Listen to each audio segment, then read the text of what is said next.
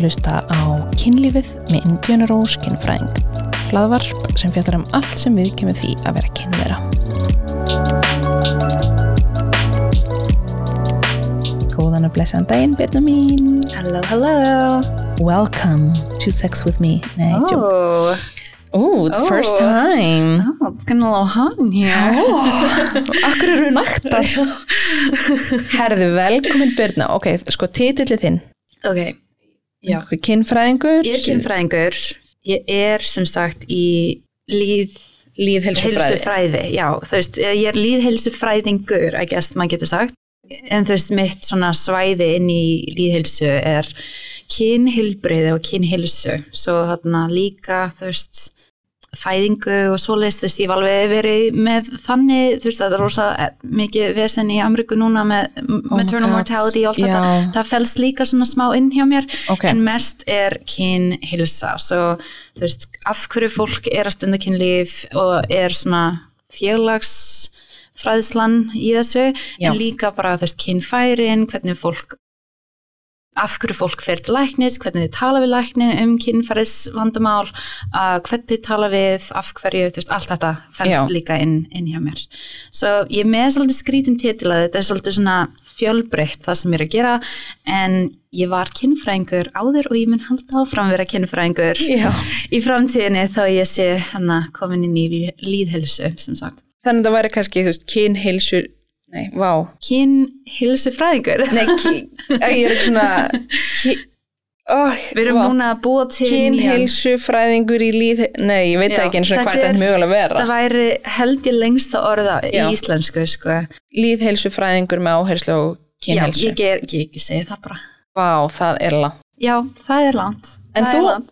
þú ert íslensk, en líka, Sko, ég er, ég fættu uppalinn út í bandreikinu. Já. Ég fættist í New York, borginni, og ég olst upp þar og þar í kring.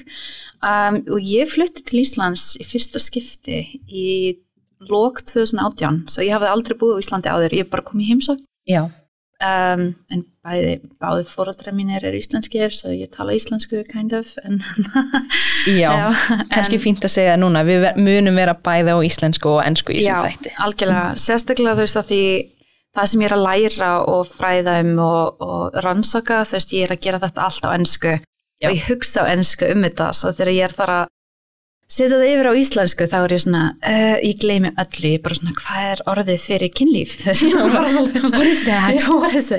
Já, en þú veist smá tengið með þið, þú veist, þú varst þarna út í, í Widener, eða ekki? Jú, Widener. En mamma mín er líka bandarísk, þannig að ég er dual citizen og Indiana. Indiana. Mjög fyndið þegar hérna, pappi minn fekk að velja nafni á mig Mm. og þegar mamma var að segja veist bandarísku fjölskyldunni eh, hvað ég ætti að heita og þau voru bara í sjokki. Já, og einmitt. amma mín var bara, why don't you just call her Colorado Cactus? Já, einmitt, einmitt. En það er svo fyndið. að því University of Indiana er með The Kinsey Institute, já. það fyndið að þú varst kynfræðingur. Það er svona eina staðstu Svona stofnun. skóli- já, stofnun bara í heiminum. Já, uh, en allavega nóg Já. um nafnið mig. ok, þannig þú, fyrir maður séu bara mentuninu þína. Ok, ég upprunnilega byrjaði sko í leiklistaskóla, actually. Ég var í tvö ár þar, en ég var Já. í sko voice and speech, so, so það var svona mitt upprunna, en þá líka þegar ég var í skólanum, þá lærði ég líka alls konar svona media production hluti, svona að vera aðeins bak við myndivélina og þar var ég að vinna fyrir að heimildamyndagerð sem að var um svona tengt kynfræðislu, kyn, þú veist, kynlýsvinni fólk líka. Við fannst þetta bara svo áhugavert að því þetta hafði alltaf verið rosa auðvelt fyrir mig að tala um og þá fór ég aftur í skóla, ég kláraði það BS í, þetta var kynfræði og líka svona félagsfræði um, um kynlíf. Þetta var svona Mm. bæði, þetta var svona blandað svo ég tók uh, löffræði svona um, um kynlíf og, uh, og líka þá var ég með minor í um, líffræði Líka. sem hjálpaði mér setna um, en ég var með þá eftir það þá fekk ég uh, tvö certifications veit, uh, í kynfræðislu frá tveimir smöndum svona kynfræðisskólum eða stopnum eða þannig. Já, og þá fór ég núna, ég var að klára masterinn í Georgetown í Washington DC uh, það var í líðhelsufræði en ég tók allt í veist, concentration í kynhelsu og heilbreyði svo Það er mín mentun, ég er búin að rakka þau upp, sko. Uh, gæti verið að halda áfram í náminu líka, uh, Ah. ég veit það. Doktor, yes, yes ma'am. Ég verð Dr. Birna Dr. Birna, sko, eitthvað tíman, eitthvað tíman, kannski eftir átta ár, en eitthvað tíman. Já, einhvern tíman Ok, Já. og hvar hefur svona verið að vinna? Sko ég hef unnið, ég hef verið mikið í fact-checking og medical writing. Það er svona veist að skrifa fyrir heilbreiðstofnum í bandrækjunum um kynlíf og líka bara fara yfir þú veist fyrir eins og almenna svona greinar fyrir svona almenna svona pop culture hluti, þú veist, ef hlutur eru í lagi eða ekki, það er svona minn svona, ég er svona mikið ghostwriting, það er svona mitt CV með mikið af því. Þegar ég bjó í, á Íslandi þá var ég að vinna í kynlýstakjaverslun neyri bæ í hvað, alveg í tvö ár eða meira, meira. og mér fannst það rosa skemmtilegt og ég var líka kynfræðingurinn fyrir búðina og þá var ég að kenna og ég hef líka verið, þú veist, þegar ég var í New York og áðurinn flyttið til Íslands þá var ég líka með alls konar námskeið og var að kenna í svona community support og þú veist, Já. maður fer í skóla en maður fer líka í, þú veist, ég verið að kenna fyrir hjúgrunafræðinga, ég verið að kenna úlingar sem eru með krabba minn, það var rosa random, ég gerði það í nokkrum manni um, og þá var ég bara að kenna mismundi típur af kynfræðslu, bara það sem þau þurftu að vita og tala um. Og í- hérna á Íslandi gerði ég það líka, ég talaði við um, ímsa mentaskóla og svoleiðis. So, ég er með svolítið mikið í my portfolio, ég var líka með podcast og þú veist, erotíska sögur, talin á þær, so ég er búin að vera bara í alls Öllu, konar verkefnum í kynlífi, sko, maður getur svo- Sex is my job. Já, mér finnst líka svo ávert með kynfræðin allavega hérna á Íslandi, þú veist, þú þarft að geta og kunna svo margt, þetta er svona sem eins og vera heimilislæknir. Já, að því bandaríkjunum, þau sem voru með mér í námi þau eru kannski bara, nei, ég er bara í sexual abuse. Já, eða hérna, eða bara fyrir hinsegin kallmenn 40 geðveikt til 60 specific. ára sem að hafa verið með maka með HIV. Já, og maður bara, er svona, what? Ok, er, Og bara, veist, það eru miljón mann sem falla inn í það, já, bara fleiri en allt Ísland sem eitthvað geðvitt specific and they have dark hair. Já, en hérna á Íslandi þá er bara svona ef fólk er að spyrja mann, maður er svona já, mér kynlífa krabba minn og þetta Já, og þetta já. og þau bara, bara já, maður þarf Bara bara, lærður allt í náminu maður eitthvað, nei, en Nei. ég lærði að læra og veit hvað er, Já, maður þekkir grunninn og oft Einmitt. er þetta svo svipað einmitt. the basics are the same Einmitt, maður þarf bara svona að tjúna það sem, veist, að mæta hópin Mhm. þar sem þeir eru um, en þá líka hef ég verið í rannsóknarvinnu í Georgetown og ég var að klára mitt eitt verkefni hjá þeim núna svo ég er alveg búinn um, en það var rosalega skemmtilegt og það verður að bók kannski ekki næsta ári en það næsta so, hvað er verkefni, máttu segja það? það, ég má ekki segja mikið um það en þarna það er um hvernig okkar, þetta er svona meira félagsfræði en þarna hvernig það, svona okkar hugmyndir um kynlíf hvað getur verið að gjör ólíkt en samt enda á samstað með hvernig það hefur áhrif á kynheilbriði svo þú veist, fólk sem að te- telur sér rosalega liberal og líka fólk sem telur sér rosalega conservative þú veist, þau hafa rosa þú veist, mismundi skoðanir á kynlíf en þetta hefur bæði áhrif á kynheilbriði og kynheilsu og hvernig það verður út úr þessum þú veist, vandamálum og, og svoleið svo þetta er rosalega svona skemmtilega svona journey í gegnum Já. Amerikana og hvernig þau, hvernig þau lærum kynlíf og hvernig það hefur áhrif á kynlífið sem þau stunda og hvernig þau líða um það.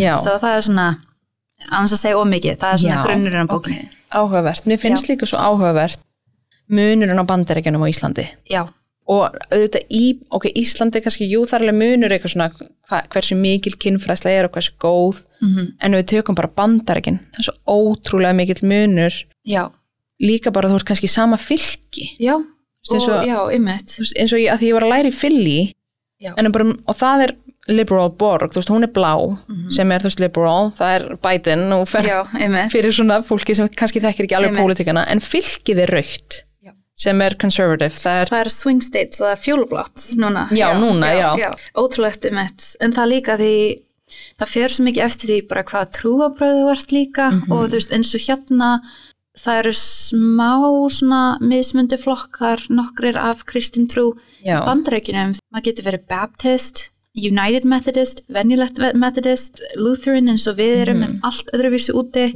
katholikar, það er Já. mismyndið, það er Irish Catholic, Roman Catholic, like, það er rosalega specific og þau hafa rosalega skiptar skoðanir um kynlíf Mhm. um, og þá bara í gegnum Amriku líka er evangelicals, það er svona þegar fólk hugsar um til dæmis President Bush Jr., hann var evangelical Mhm. þú veist, hvernig hann hugsaði um heiminn það hann er evangelical Christian so, veist, það er einmitt, þau eru aðeins, það er mjög breytt innan þannan hóp, uh, að því það skiptist í Christian Nationals og þá bara venju, like, ég segi venjulegt en ekki veist.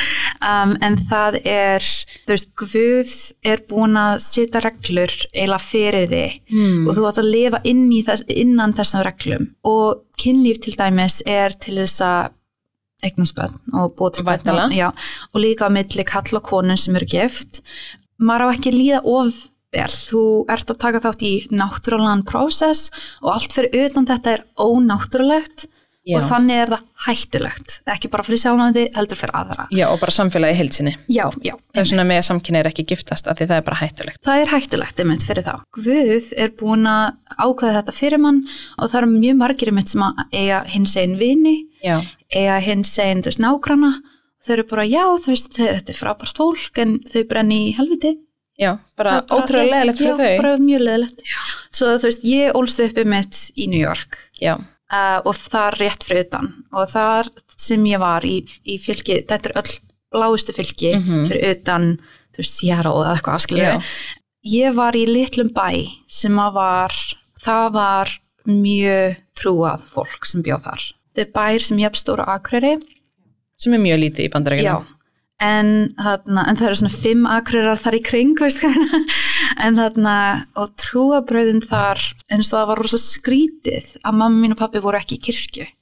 Það var Já. bara, þú veist, af hverju eru það ekki að fara í kirkju? Það var Já. bara, þú veist, tala þannig. Mjög skrítið að ég væri ekki í eitthvað svona youth group, þú veist og mín upplifin með kynlíf var allt öðruvísi heldur en vinkunum mínar. Það var bara, þú veist, ég get ekki nota túrtappa, þú veist, þá er ég ekki hrein. Bara, það er ekki hreint, þú veist, fyrir sálina mína Já, ó. maður á ekki að setja neitt þarna upp nema Ó, teipi bara ekki einu sinni megar haft að Mhm. Já. bullshit pælingin. nei, nei, það Þú er ert bara, eða ekki að sál þína. já, já, og sumar voru ekki alveg þannig og þær voru meira bara svona þær voru kannski stunda kynlíf og voru bara rosa hrættar að þau voru óléttar og ég Já. bara, ó, af hverju það var bara, þú veist, ég, ég, ég þú veist, kynnti svæðið hans þú veist, það Já. gæti verið ég sé ólétt ég Já. bara, ok, we need to have a little talk sem var bara svona já, já, og Já. þú veist, það var rosa mikið skömm um þetta, kaupa, smokka allt þetta og þú veist, þau sendu mig kannski að kaupa þungunar, þú veist, próf Hvað ertu, hvað ertu gömul þarna? 14 til 17 Já. þú veist að ég var hvort sem er ekki í kirkju Já. ég var the sinner Þú varst hvort er ónýtt, ónýtt hérna hræ. ymmit, algjörlega og þarna það mátti vera með, veist, svona gay best friend strák, Já. en stelpur sem voru hins einn, það er bara það mátti ekki, það var bara alls ekki, það var rosa skrítið það er kannski að gera eitthvað við þig þegar það er í sleepovers þú veist, Já, og horfa á þig og ymmit skotnar í þér. Algjörlega, svo þarna ég fekk, en þú veist ég flutti aftur til, þú veist ég flutti til New York þegar ég var 17, þú veist ég flutti út.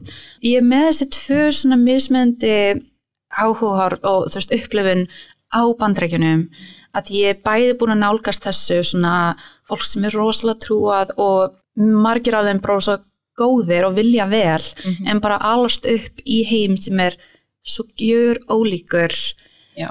það sem ég var vönd, með íslenska fóldra og þú veist, má ekki vera nakin, má ekki, þú veist, það er bara allt öðruvísi og þá í New York er ég með vini sem að, þú veist, vissi þau voru hinsinn og kom út af skápnum og þú veist, 12 ára eða eitthvað og voru Já. bara fuck you if you don't like me, þú veist, það er bara Já. allt öðruvísi.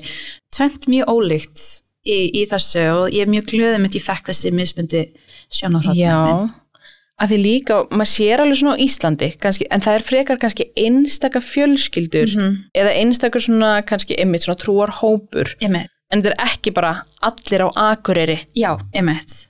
Og bara allt, allur bærin hérna, þólir Já. ekki, nei, hérna hinsinn.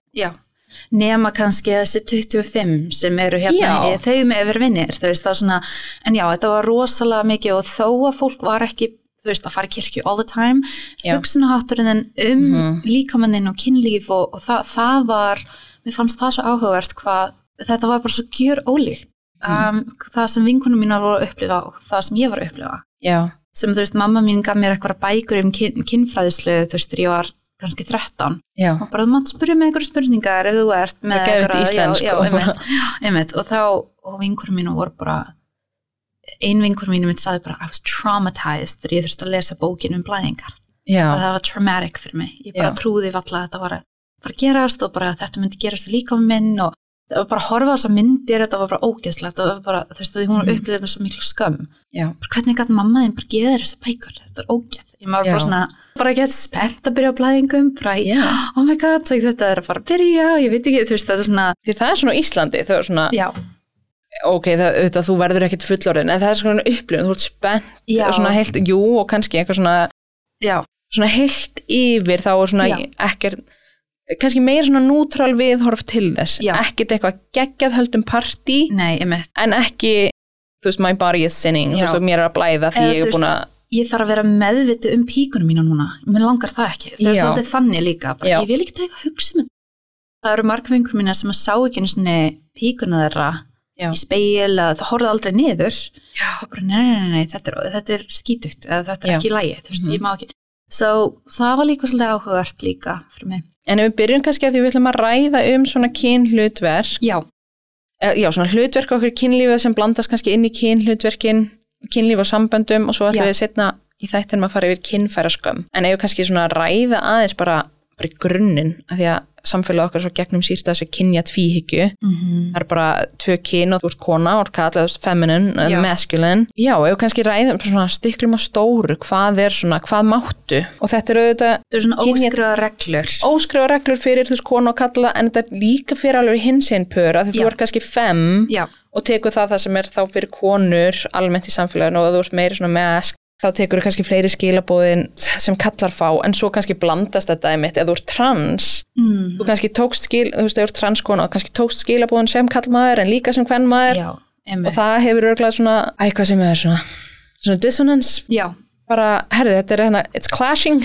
Já, það er rosa algengt einmitt að bara svona býtu hvaða, hvaða á ég að hlusta á? Hver Já. er ég ef ég myndi ekki, þú veist, ef þetta væri ekki það sem mér var sagt að vera, þú veist? Já, og mér finnst þið með þetta þú veist það mjög oft þegar ég er að tala við transkonur að ég upplifi líka já ok, byrju þetta er eitthvað sem mér, mér var sagt við að vera kona væri svona. Já, þú veist þá er ég svona, já ok þú veist það er svo margt sem einmitt þær upplifa þegar þær byrja að sínast þegar þær byrja að sína sig eða, þú veist, í samfélaginu sem konur og kannski meira passing líka. Já, al- allt í einu eru þau bara að upplifa allt öðruvísi þú veist hvernig fólk læti við það og svona og þá er mitt hugsa ég svona já ok, þú veist ég þarf að vera mjúk. Já, þú veist ég þarf að vera, þú veist allt þetta. Mhm, en það er líka eitt þú veist að, að tjá sig um kynlíf unaður sé bara like the bonus. Það er Já. svolítið þannig fyrir konur Mhm. sérstaklega. Og þegar ég segi konur þá er ég að tala um þú veist, hvað samfélagið er búin að svona konsensus um hvernig konur á að vera. Ég er ekki Já. að tala um hvert einasta manneski sem hugsar um sjálfansi sem konu nei, bara, já, Já, já. að því svo er einhver Já. að hlusta bara, nei, nei, nei unnar einmitt. nummer eitt hjá mér, bara, Já, já, við erum tala um það við erum að tala um bara félagslega allt samfélagi í heild bara svona trend sem að sér í svona message sem að maður fær sem mannski sem er búin að vera alast upp sem kona, kona. já, Þetta fer líka rosalega mikið eftir trúabröðum og líka hvar þú ert í heiminum en að maður á að vera með áhuga á kynlífi sem kona en ekki með of mikla reynslu. já, og ekki of mikið áhuga, þú ætti ekki að vita of mikið Nei, nei, emitt. Og þú veist, maðurinn kannski getur kentir. mm Á sama tíma, þú veist, þá er sum partur af heiminum sem að það er líka ekki gott að vera með enga reynslu, þú veist, Mhm. að því þá ertu ekki góð í rúminu, þú, þú þarft basically að vera með bæði eitthvað, geta, þú veist, sint honum og, unnað hans og allt það að vera bara, þú veist, wild and free upp í rúminu, en samt eitthvað neginn líka gera það sem hann er tilbúin í og svona, og þetta eru einmitt reglur sem við svona lærum og þá stundum bara hendur við í ruslið bara um leið og við erum byrjað stundakynlíf, við erum bara, nei, nei, nei, þetta er ekki það sem að hemta mér, en sumir einmitt það er rosa erfitt að, að aflæra Já, þetta. Og þá einmitt að ekki vera með of mikinn áhuga en samt vera með ekkert áhuga fyrir makan já. Tilbúin að prófa fyrir hann, mm -hmm. Að því við erum að tala um þetta vanleika kynja Já. samböndum. einmitt og þá á hins vegar líka á stundum á maður bara eins og vinkunum mínar sem voru að býða þanga til voru giftar það eru þrjár sem ég þekki sem að stunduðu kynlíf skipti ever þegar þau giftu sig bara nóttin sem að Já. þau brúköpi var og þarna það væri mitt bara þú veist það væri ef hann væri kannski að fróa sjálfan sig og Mhm. læra hann sem kynlíf en hún mátti það ekki like, það hún þurfti að save herself like, það var Já. það sem að En mögulega samt kannski Já. lesum það, já, að þú getur ekki verið óreind, já, en ekki lesa of mikið ekki, ekki of mikið, ekki fá of miklar hugmyndir, Birna. Nei, nei, nei, mitt, maður þarf að vera með þetta alveg bara fyrir mannin Já. sko. En já, það er svolítið þannig og svo þetta fer eftir því hvar þú ert á sjálfsögu. Hérna á Íslandi er ekki eins margir sem að eru að na, býða þang til þau eru gift. Það hefur alveg komið upp hérna að ég er talvegt sem er þannig og þú veist, ég er alveg líka á sama tíma ef það er eitthvað sem henda þér á sjálfsögu, Algjörlega. do you, skilur en ef þú ert að gera það bara því þú heldur að sé eina rétta leiðin eða það er svo mikið skömm ef þú gera ekki, þú veist, þá er mitt fer ég að benda á þessu hluti. Afbreyðsemi líka, ég veit að þú veist, Já. það er eitthvað sem að þú hefur talað um, ég mitt að þú veist, það er mjög mikil munur á, maður á ekki vera með, þú veist, þetta er líka fyrir eftir, þetta er mjög persónulega bundið, en eins og þar sem ég ólst upp að dansa við annan mann, það væri bara eins og þú er að halda framhjá, Já, en vinkunum mínar sem eru frá Puerto Rico það er bara, of course like, af Já, hverju ætlarðu ætlarðu ekki að dansa hann? þú veist, come on, þetta er frendur minn, dansaði við hann segðu hann sætur, like, já. þetta er aðeins öðruvísi en, og þá ymmit hins vegar kemur machismo þú veist, það Mhm. er bara stand your ground, þetta er konan mín ekki Já, þú svona þessi dansa kallmennska Já, svona. einmitt. Þar sem ég ólst upp, hann má horfa Mm og kannski má hann snerta Já, svona en- létt, svona strjúka. en hún má það alls ekki. Og ef Nei, hún vill það, það er rosa skrítið. Þú veist, hún á ekki verið með eins mörg mikið kynlöngun en hann, Mhm. þetta kemur líka. Hann á alltaf að vera til í kynlíf. Hún Já. bara, þú veist maður þarf að vinna fyrir það.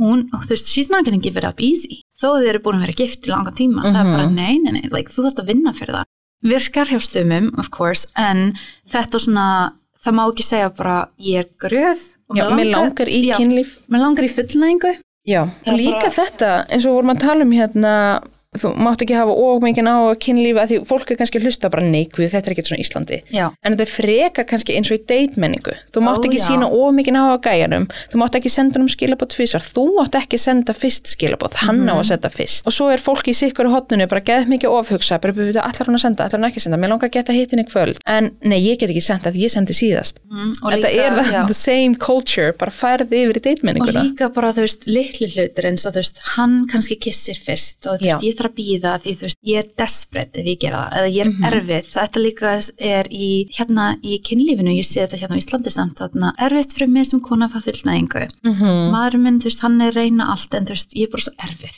það er svo erfitt Það er fyrir svo mig. erfitt fyrir mig að fá og fullnægingu. þú veist ég bara, hann nennir þess ekki. Þú veist, hann er kannski átta mínútur eitthvað þannig niður að gera eitthvað, að bara, hann nennir þess ekki. Ég bara, ok, hvað ert þú lengi að táta hann? Hvað ert þú lengi að gera eitthvað fyrir hann skilur en hún bara, já, en þú veist, það þú veist, það er svo auðvelt fyrir Það er svo auðvelt fyrir hann að Já, fá það. einmitt. Því það er að tótt hann í 45 minnur, en það er miklu auðveldara heldur en ef hann myndi sleikja mig í 45 minnur. Man er eitthvað, hmm, the Og math is not mathin the math is not mathing, og bara eitthvað, girl math, stop. Líka þetta með hérna tíman, já, hvað þú ert lengi að fá það, mm og þetta of lengi að fá það, eða þú ert of fljótur að fá það, mátt ekki vera of fljótur, Já. eða fljót, mátt ekki vera of lengi, bara hvað er fullkom tími, geti, geti sagt mér það, því ég hef ekki hugmyndum það. Svo er fólk eitthvað, sem, já, ég er bara alltaf fljót að fá það, ég er bara meða við hvað. já, með við hvað? Hvað að miða við?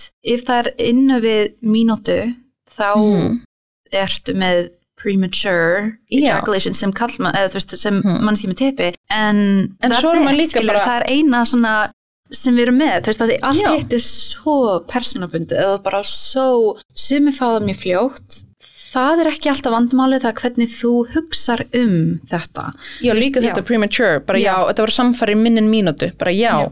en hvað veistu búin að gera fyrir það -hmm. og að því kynlíf er bara samfærir Einmitt. þá er það bara, nei, ég var ógæslega fljótur fyrir það, bara já, en þið voru búin að vera sleiki klukkutíma og hérna dry humping, já, hefur bara lappað inn, hæ, þegar þau kisti í einu mínútu, þá hefur þau fengið eftir mínútu, þá já, ok, það þá kannski, kannski fara til læknis en, bara, en þetta voru samfæri mínútu Já. eftir hálftíma af öðru, já. en það telst ekki með því það er forleikur að snýst um hana, Mm -hmm. ég er að breyta handritin ykkar. þorleikur. Ég hata, ég með ofnami, ég fæ svona útbrott. Ég literally, í, þegar ég var með podcast þetta á ennsku, þá var ég með einmitt þarna eitt þátt sem hétt I hate foreplay og það var bara, ég var að tala um bara orðið Já, að því þú veist, ég bara svona af hverju er mitt eitthvað svona upphittun að því að forleikurinn er vanlega sleikja hana eða putta hana eða hérna örfa Svona- hana. check, búið Já, nú getum við get stundað ég- kynlíf. já, núna er alvöru hluturinn að gerast núna Já. er svona, þetta er einmitt svona þessi kyn, svona munur einmitt hvernig við tölum um kynlíf og hvernig við hugsum um hvað er kynlíf, hvað er alvöru kynlíf, þetta líka þegar konur, hins einn konur eru saman, það er bara, já, hvernig er það samt að stunda kynlíf? Já. Ég bara, mm, Er það Já. með strappon? Já, þetta er mjög fyndið mitt að því að svona, hvernig stundu er kynlíf? Að því maður er svona, já, ok, hvað er kynlíf? Og bara, það er sammeila sjálfsfröðun, það er hérna, þú veist, dry humping og það er líka bara að nutta saman kynfærunum og þau bara, já, en hvað fer inn? já. Er eitthvað, mm, stundum ekkert. Já, einmitt, en þetta er einmitt svona, ég man einmitt þegar ég var allst upp, það var svona einn stelpa sem að þau- það var bara, já, hún, hún tottaði strák, Mm en sem betur fer, They fór það ekki lengra. sex. En bara að hún var að gera þetta var bara skandal, sko. Og líka anal. Já, það eru meira the Catholic girls. Já, af því að mamma, þú veist, í Chicago, hún átti Já. rosa með Catholic vinkonur, ég man eftir þessu, ég bjó í Ítalju, Mhm. Það var allt í lagi, af því það var ekki, nei, nei, nei, nei, hrein mei, nei, nei, nei, Mhm. ég er hrein mei, Já. en þú veist að stunda enda þar að smög. Já, it's not sexual, it's Nei, just, you know, it's- we're just hanging out. We're just hanging out, einmitt. En, einmitt, en þú veist, þá einmitt sem trúabröð, einmitt, það er bara, það er sodomy og það má ekki, það má ekki Já. mjög totta. Mm Það er sodomy, það er Já. bara, Synd, Já. bara. það er bara, Satan er að fara að ringja í því. Hann er á bara- leiðinni. Já, hann er á leiðinni. Og þú veist, hann er bara ekki sáttu með það að það fór eitthvað hann að bakvið. Mm Þetta er svo áhugavert ymmit eins og þú tala um svona cognitive dissonance, þú veist, Já. þá er svona ég er ennþá hrein með þó að tippi farið inn í munnin minn og rassin minn minn. og bara Henduna mínar og öll gött sem bara, bara allt like, og það er svo fyndið hvernig þetta smit, að því þótt að við á Íslandi erum ekki svona gríðalega trúið, mm en þetta smitar samt eins og, eins og endaþansmög, það er eitthvað, nei, nei, Nei. og það má alltaf fræðum það, það má ekki tala um það, hvað er það að tala um rassin í kynfræðslu, þetta nýðast á börnunum, mm Eitthvað, nei, ok, það eru þínar hugmyndir en, Einmitt. en þetta smitast svona, Þetta- fólk er eitthvað, nei, nei, nei, trú hefur ekkert áhuga, áhrif að kynlíf í Íslandi, bara eitthvað, mm, er það? mm, líka þú veist, við erum kannski ekki beint puritanical, við erum ekki þannig en við erum modest, við Mhm. Erum mjög Scandinavian Lutheran, við erum mjög modest Já. þú veist, það má ekki tala í manni mitt, þú veist, það má tala um kynlíf, það má fræða um það en það má ekki vera of um, spennt að tala um kynlíf, þú veist Já. þetta er svona Já, ég á ekki að vera með svona marga tilfinningar um kynlíf, ég á ekki og þetta er mitt, ég sá þetta einmitt á Íslandi, það er erfira fyrir fólk að taka upp pláss sem kynverur algjörlega. því þú veist þau kannski vita allt um píkuna, kann alveg allt um þú veist, eiga mörg kynlýstæki allt þetta, en að tala við maka bara maður langar að taka kynlýstækin inn og nota þau þú veist í kynlífi það er svona, ok, like, er ég ekki fullnaðið nóg, eða þú Já. veist, ertu ekki nóg Er þú veist, já. ertu eitthvað erfið þú veist, Er þetta komið í staðin fyrir mig? Viltu Já. ekki fullnæðingar frá mér? Já, bara þú veist, hvaða, þú veist, hvað er ég ekki að gera fyrir, eða líka bara svona, ekki beint, veist, fullnæð, en meira svona, þú ert insatiable, ég veit ekki hvað er gott íslenskt orð fyrir það, Um, svona þú ert, næst eins og þú ert þarna, þú verður aldrei sött, þetta er svolítið svona- Þú ert, bara, þú ert ekki svöng en þið langar að narta. já, þetta er svona, hvað, er þetta ekki nóg fyrir þig? Það er ekki nóg saðsamt. Já, og líka, þú veist, ég við með tala þegar ég var í kynlistækifæslun það eru margir mitt sem á, þetta eru svona lítiltæki egg, ertu með egg? Ég með egg, ég með langar í egg veist, allt þetta, stærri tæki en það bara, nei, nei, nei, nei, nei, nei, þetta er allt og mikið, like, þetta er ógeð. Já, við erum ekki að tala um neitt Nei, 50 cm, við erum bara að tala um titrara. titrara, Og dildó, já, já. bara Magic Wand. Já, það er ekki einu sinni miklu meira örfun, það er bara, veist, þetta er stærri tækið, þetta er með stærri mótor, það Mhm. er auðvaldra að halda því, það er með handfang, en þið sjá hvað er stórt, Stórt, phallic. Ymmit og líka svona fyrir þetta inn, þetta, þú veist, allt þetta, Já. maður er svona, nei, þetta er alltaf lægi, en það eru sumir ymmit sem að voru hrættur að koma við það, að því það var bara, þetta, þú veist, ég mun alltaf þurfa meira og meira og þá er ég svo erfið og það er svo erfitt, að, þú veist, ég er bara svona, oh, þú veist, þetta er aldrei þessi umræðu finnst mér Já. með tippi, með kallmenn, með nei. kallmennsku, þú veist, það er bara svona, þeir með að vilja meira og meira og sjálfsögða því það er bara, þú veist, líffræði segir það bara, sem er alls ekki sagt Já. En þetta er um eitt bara hugsunir sem við erum búin að búa til um kallar konur Já. sem að verða að þessu og þá eru alltaf sæki eitthvað svona, já, líffræðislega. bara nei Bara síndi mér rannsóknina. Já, bara ok, síndu mér Einmitt. og líka umræðan um kynlíf á Íslandi þú getur talað um það að það er eitthvað skemmtilegt það er kynlífstæki, það er eitthvað næst þú veist að prófa eitthvað nýtt Mhm. en um leið og það er eitthvað svona eina gæslega af Já, þú veist það er ósamræðin kynlöngun það er hérna premature ejaculation Já, eða þú nærði ekki fæð þú ert á okkur þunglindislegum og allt í henni fær ekki fullnæðingu. Það er ekki hægt að tala um það. En allt góða og næs þú veist, í svona Mhm. partíum, það er bara allir að tala um hvað kynlistæki eiga en svo er maður eitthvað svona nema þegar fólk tekur mig og er bara að segja mér bara mest bara svona sorglegasta sög ever með kynlíf. Í partíi. Í partíi. Og ég er bara svona ég get ekki hjálpa þér. I'm so sorry. En ég segi, ég finn til með þeim þú veist, Mhm. en þetta er líka svona að því þau, þau veit ekki hvernig að tala við þau veit ekki Já.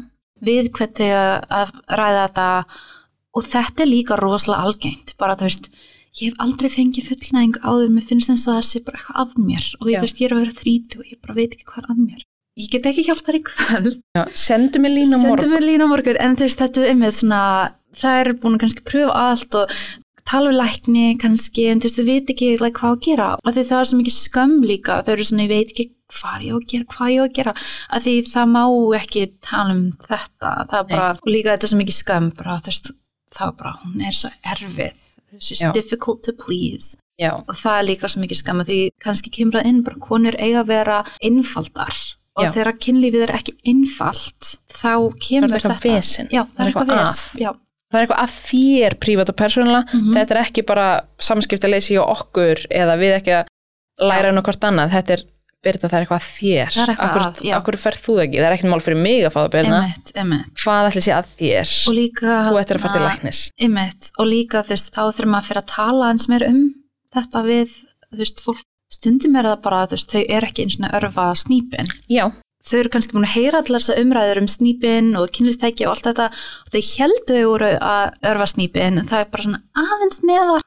Já og þau eru bara svona að þú veist ég er ekki að fá alveg nákvæmlega like, óþægilegt Já. að örfa snýpin ég er svona ok, like tölum um aðeins.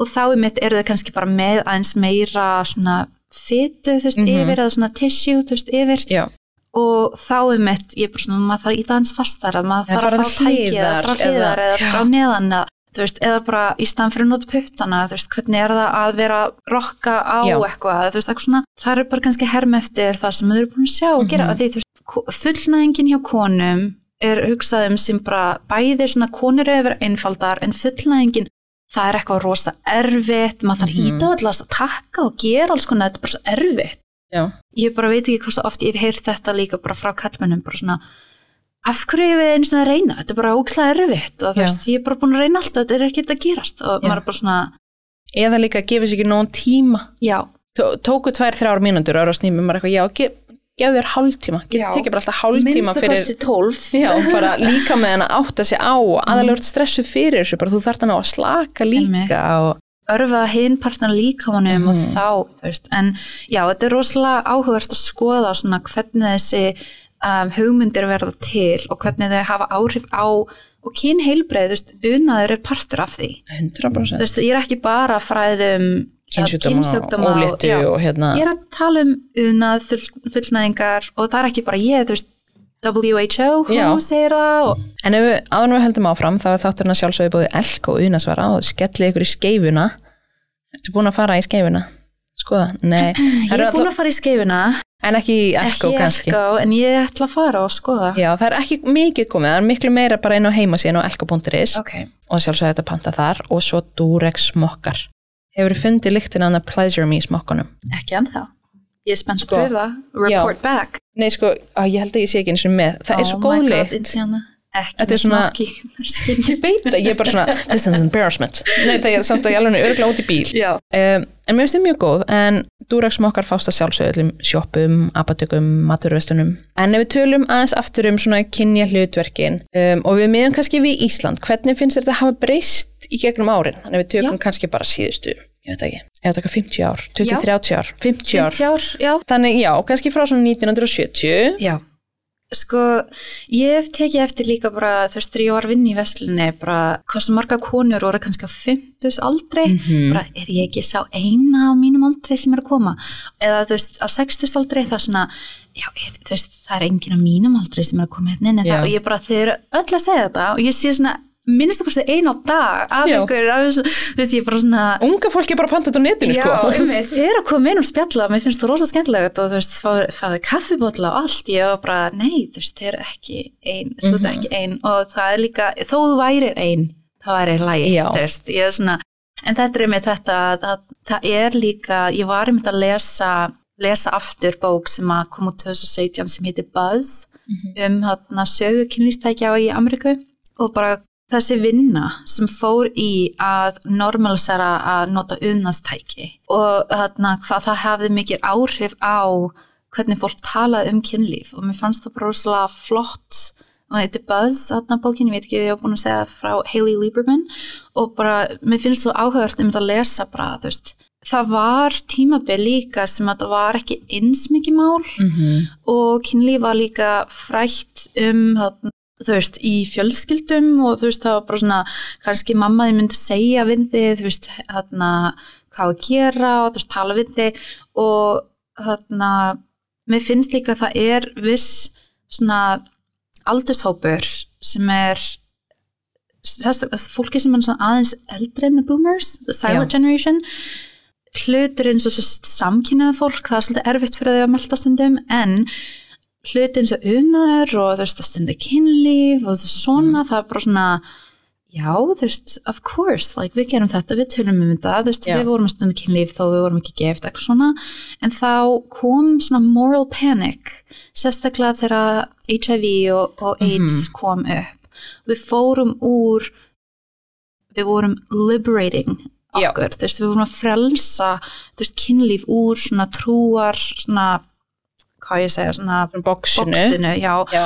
og frelsa úr því og þá kemur um með þessi hræðsla bara, það er sjúkdómur sem er að drepa fólk og þið fá þetta að því þeir eru stund að Af kynlíf því rosa margir er menn who have sex with Já, men, kallmenn sem sofi á og kallmennum. maður veit ekki ef kallin þinn er kannski að gera þetta að því þau eru bara legarir og þú veist, kallmenn eru alltaf að ljúa og hins einn kallmenn eru sérstaklega mikið að ljúa að og tæla þá. tæla þá, en ymmið, þetta er svona, þú veist, þessi hugsunaháttur kom upp og í bandreikinum, þú veist, fórsetin saði ekki neitt um þetta fyrir en Já.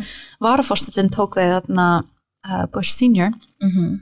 hann, þú veist, þetta voru alveg fjögur ár sem hann var ekkert sagt neitt um þetta Nei, og það var bara ekkert gert þannig Nei, séð. og þú veist, þetta var bara þeim að kenna Mhm. en þá umræðan um kynlíf breyttist rosa mikið Já, því þá þurftur líka rosa mikið að fara að passa þig aftur. Það er Já. bara, það er bara ég og þú byrna, Mhm. því við viljum ekki fá hann sjúkdóm. einmitt, Vorum kannski frelsast aðeins yfir, ok, það þarf ekki endilega að vera bara eina hjónaband Já. og take it back, byrna. og hitt þetta fólk sem var frelsallu þetta er Já. þeim að kenna það er það sem kom upp líka þetta er hins einn fólkinu að kenna þetta er Já. crazy fólki sem er í þessu sex parties þetta er þeim að kenna þetta er út um allt þetta var svo mikið svona stimpil á fólk bara þú veist þú, þetta er þér að kenna, serðu hvað þið gerðu þú veist, þetta, en þó þetta væri ekki þú veist, líffræðislega, þetta, þetta doesn't make sense, Já. er eitthvað þeim að kenna það var enginn að kenna, en þú veist, það er miklu auðvaldra fyrir samfélag að melta mm. erfa hluti, það voru svo margir að deyja úr þessu, Já. svo margir ungi menn til Þú dæmis. vilt geta bent á einhvern, hvernig var þetta að kenna. Já, og þá er mitt þarna kom upp líka konur eru að fá þetta því kallmenn að halda fram hjá og þá er mitt komið öll þessi umræða. Við rokkum svolítið mikið, þú veist, ég veit eins og í bandreikinum, við rokkum rosa mikið bara í þetta, þú veist, að kynlíf sé eitthvað sem er má ekki sjá í sjónvarpinu, má ekki tala um allt þetta og þá in the 90s einmitt, þú veist, þá erum við komið með meðöl fyrir HIV, þetta er miklu Mhm. auðveldara, við erum að tala meira um líka kynfæri sjúkdóma sem að veist, það var alveg rosa gott sem kom út úr þessu Mhm. í Friends til dæmis þættunum, þú veist, Will and Grace og Já. Frasier, þú veist, þættunir sem eru á sjónvarpinu þurfa að tala um kynlíf, ofinberlega, Sex and the City byrjar, Mhm. þú veist, við erum að sjá um eitt svona, ok, við erum að opna okkur miklu meira, þetta er komið á yfirborðið aftur. Og þá um eitt lokast það aftur, Mhm. war, war on drugs er líka að byrja aftur, Já, þetta er líka, um 2000, já, þetta, veist, war on drugs byrjaði in the 70s og þá, veist, stoppaði en þetta kom aftur, Aftur. og þá þú veist, 9-11 allt þetta. Mhm. Gerir fólk miklu meira svona var við þeirra svona, og like netið líka Mhm. þetta ger, þú veist, fólk er miklu meira svona var við, ok, hvað er aðra að hugsa með, þú veist, hver er ég Mhm. í kynlífið, þú veist, ég er með good American values, family values þetta er að koma aftur. Já. Við rokkum alltaf fram tilbaka, það er alltaf progress á meðan, en það er svolítið erfitt um þetta að sjá þegar þetta verður svo extreme og núna um þetta, eins og þegar pappi minn var yngri það var bara, þú veist, þegar hann var ungur og hann var bara, þú veist, skóla í Danmörku það var ekkit eitthvað það mikið máli eitthvað var trans, það var kannski gert grín af þeim, þú veist, eins og það gert grín af þeim líka in the 90s og eitthvað, en þetta var þú veist, það var ekkit eitthvað á þau eru Þeir eru með geðsjúkdóm, Geð- það er já. eitthvað að þessu fólki. einmitt, það var eiginlega minna mál heldur en að vera hinsegin á Mhm. tímabili nú, þá svissaði það yfir Já. eftir HIV og þú veist, og núna einmitt í Ameríku sérstaklega er svo mikið panik Mhm. yfir trans þú veist, úlingum til Já. dæmis svo það er erfitt stundum að sjá hvað svo langt við höfum komið að því þetta verður alltaf eitthvað ný issue því við erum að íta alltaf Lengra og lengra, lengra. lengra, já, Stækka þólmörkin. einmitt Og það er bakslag, en það er kannski ekki alveg jafnlang. já, Svona ringurinn stækkar alltaf þótt að kemur tvö skruf áfram eitt tilbaka. Já, og mér finnst alltaf svo næs sem þetta hugsa um bara þó það sé bakslag, það þýðir að það sé eitthvað að færast Mhm, yfir, þú veist, það er mhm. svona það er alveg gott að hugsa um, um það þannig, en mest sem ég sé, þú veist, mest af svona breyting sem ég teki eftir bara að lesa líka um Mhm. sögu af kynlífi, kynlífstækjum, alls konar svona að sérstaklega þú veist konur núna, þetta frelsi að vera að sækja í unað. Mm Það er líka því við erum með betra getnavarnir, Já, frelsið fjármálslega. já, Þú sem kona mátt eiga mörg kynlistæki notaðu, þú mátt sofa hjá okkur veist, og ég sé með þetta bakslega bara, já en þú veist, þú ert ekki að stunda, eða þú veist, það er engin nánd, það er þetta bara, já, en allir vilja mismundi hluti og ef þú vilt sofa hjá okkur bara því það er skemmtilegt og þú Mhm. bara fílar þessa mannisku, það er alltaf lægi og þá það sé ekki eitthvað rosa mikið nánd þar á milli áður fyrr. Sumir vilja það, sumir ekki og þú þarft að vera ok með Mhm. bæði raunveruleikar eru til. En ég sé þetta að við erum aðeins að íta frá þessu að þú veist, konur, allar konur þurfa svo mikla nánd áður en þau vera. Það er ekki sagt fyrir allar nei, og það má alveg vera gröð og vilja bara sofa hjá einhverjum og líka bara, já, það er einn vinnu minn sem er bara rosalega heitur og við náum rosalega vel saman og við ætlum að sofa hjá hvort annað en kannski verður það ekkert samband úr þessu en það er alltaf lægi í Já. bandrýjum við segjum, you put out, þú veist, þú gafst eitthvað Já. frá þér og þú sé ekki tilbaka. Þetta er líka eins og þetta sé, þetta er eitthvað sem er gert við þig. Já, Ha, þú veist, hann reið þér. mm Ég- Nei, við sváum saman. emitt, emitt, Það var eiginlega mjög sjaldan, já, ég, nei, ég reið honum. Einmitt. Bara, Nei, nei, hann reið þér, you put out. emitt, Þetta er svona, já, ég sé ekki á, á fyrsta deiti. já. Og Já. alls konar svona, Og ég er að sjá þetta líka aðeins í þess, e, það, eitthvað sem þú sagði sem myndi mig á þetta, til dæmis í like threesome umræðum Mhm, og svona, mhm. þú veist að það er alltaf að sé hann er kona í sambandin okkar, Mhm. en ef henni langar í annan kallmann, þá er það rosa skrítið, þú veist að bara einn kallmann á að vera nófriði, bara ha, Og líka það sem ég heyri mjög oft er kannski eins og með pólipæling og fólk er eitthvað svona að kynnast í og væri til í Mhm. að bara já, ég væri alveg til í að kærasta mín væri með bara öðrum konum já, en ekki öðrum köllum. Mörg svona, ok, pælum aðeins í því. já, Bara ég veit, þú veist, auðvitað má fólk hafa sína reglur og sitt preference, en af hverju má hún vera með öðrum konum en ekki öðrum köllum? Er Einmitt. það að því að konusambönd eru ekki alveg sambönd? Er það einhver svona, er það að því það er tippið þarna? já, Er það að því það er annar karlmaður og það er bara karl og kona, það er alveg af hverju en líka, veist, konum en líka þau treystu öðrum konum til þess að koma inn Mhm. því það er ekki bara gagvægt honum sem kallmanni en líka annar maður geti, hann getur meitt konu mína, Já. hann getur þú veist, logið, hann getur, þetta er líka það Já. þau er svo mikið bara svona ég treysti, hún, ég treysti henni, ég treysti Já. ekki honum hann er kannski bara að koma þarna inn og nota hana hann er bara eitthvað að reyna að þú veist, bara ríða henni og kannski tala hann aldrei við hann aftur. Já. þú veist, maður er bara svona, ok, þú veist hvar liggur vandamálið þá Já. þú veist hvað meina, það er líka eitthvað sem ég hef heyrt svolítið mikið líka svona, þetta er bara auðveldra með konur því þú veist, Mhm. þær eru miklu auðveldra það getur ekki orðið ólétt og maður er eitthvað svona, mm, já, skoðum þetta samt bara í alveg já, þetta er einmitt svona þó að þetta væri allt tekið af borðinu, þú veist, því konur geta líka svoði hjá og ekki Mhm. Já. reynt eða verið bara rosalega bara skrýtnar og, og Já, já. bara rude og, og abusive já, og, en kannski ekki með sama félagslega þú veist, Mhm, you know og mean? power, já, og já, einmitt, það líka völdið, mm Mhm. þú veist, valdið er aðeins öðruvísi, á sama tíma einmitt þetta, bara af hverju getum við ekki bara að tala um þetta án þess að hún er eitthvað svona delicate flower sem þú þarft að passa alltaf, af hverju má hún ekki taka sér ákvörun það er svona, henni langar að sofa í okkur um öðrum kallmanni, já, nei, nei, hún veit ekki betur. Ekki ég þarf að passa hana. Það er svolítið svo þannig líka sem Já. kemur upp og ég er svona, hm, áhugavert. En já, þetta er líka eitthvað sem ég sé svolítið mikið í að breytast.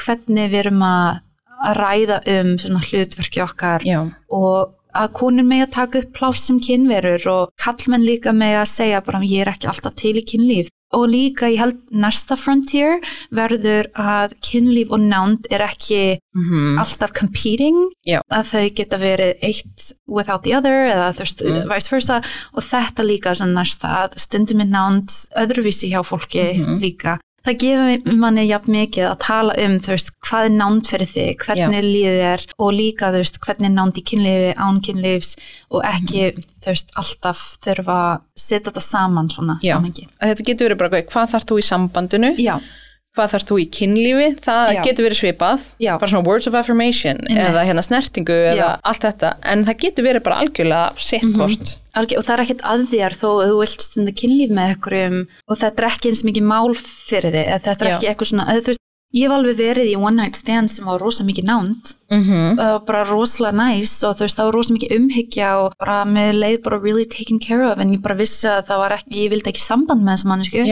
þú veist það er alltaf, það er ekki transactional þú veist það Já. er ekki bara, ég bara stund kynlífi mönnum sem að vilja vera í sambandi með mér sumir vilja það en ef þetta er ekki það sem þú vilt og þeir eru er bara bæði með á hreinu og það er Já. hægt að tala um það Einmitt. því það má líka eiginlega ekki í samfélaginu okkar út frá hlutverkanum þú mátt ekki tala um það þú mátt ekki sína á mikið áhuga samt Einmitt. ekki og lítinn Já, og hann má ekki bara spyrja um kynlíf heldur. veist, þetta er svona, og ég er ekki að segja að það sé rétt eða ramt, ég er bara að segja, þú veist, hvernig myndi heimurinn líti út ef við máttum bara spyrja um það sem við virkilega vildum. já, og það getur verið mismundu hlutur með mismundu fólki Mhm. kannski með þér Birna myndi ég bara vilja sofa í Nei, og svo kannski ykkur annar bara, já ég myndi ekki vilja sofa í þeim endilega en ég var bara geðvið til í bara náið vinasamband. Og svo er einhver annar sem ég bara, já ég vil vinasamband og sofa saman, svo er einhver annar bara, já ég myndi vilja egna spött með þessari mannesku.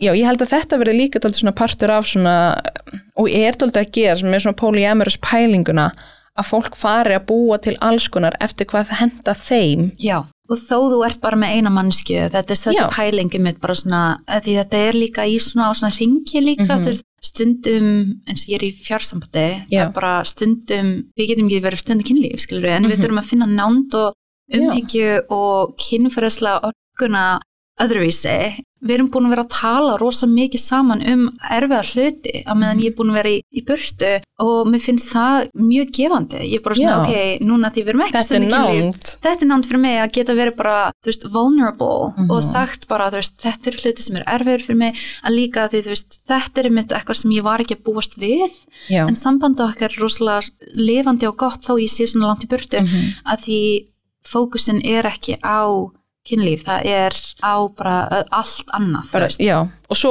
kannski þeir eru saman á landinu, Já. þá kannski fókusin meira á kynlíf og Einmitt. minna einhver einhver svona djúb spjöld. Já, einmitt, og snertingu veist, líka, þú veist, erum, einmitt, ég er bara svona, ég að fara upp ná í vasklas, hann bara, ég kem með. Já, Þetta er svona, við getum ekki verið í einhverju lægi lengur, sko, þegar ég kem heim. af því svo þeir eru burtu Já, þá ertu bara, ok, núna, núna skulum við tala. Að einmitt. Og ætlum þá ekki þegar eða tími í það þegar við erum þegar saman. við erum komin saman aftur, ég held að þetta verður svo gott að því, þú veist, þá erum við búin að læra mitt að spurja bara um bara það sem við þurfum og þetta er svo gott einmitt, og þetta er einmitt þessi pæling. Hvernig myndi það líti út að bara segja, að segja það sem maður vill og spurja um það sem maður vill? Mhm.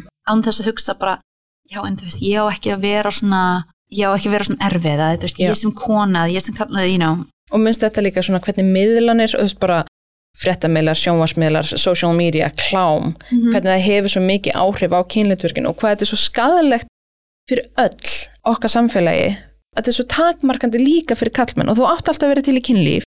Og ert ekki til í kynlíf, þá verður þú að fara til læknis því það er eitthvað að þér. já, einmitt. Þá fara þeir svo mikið að hugsa bóki, hvað er að mér, akkur vil ég ekki kynlíf og sko, ég hef einmitt tekið ég er að gráta ekki eftir mikið, hvað er að Já, mér.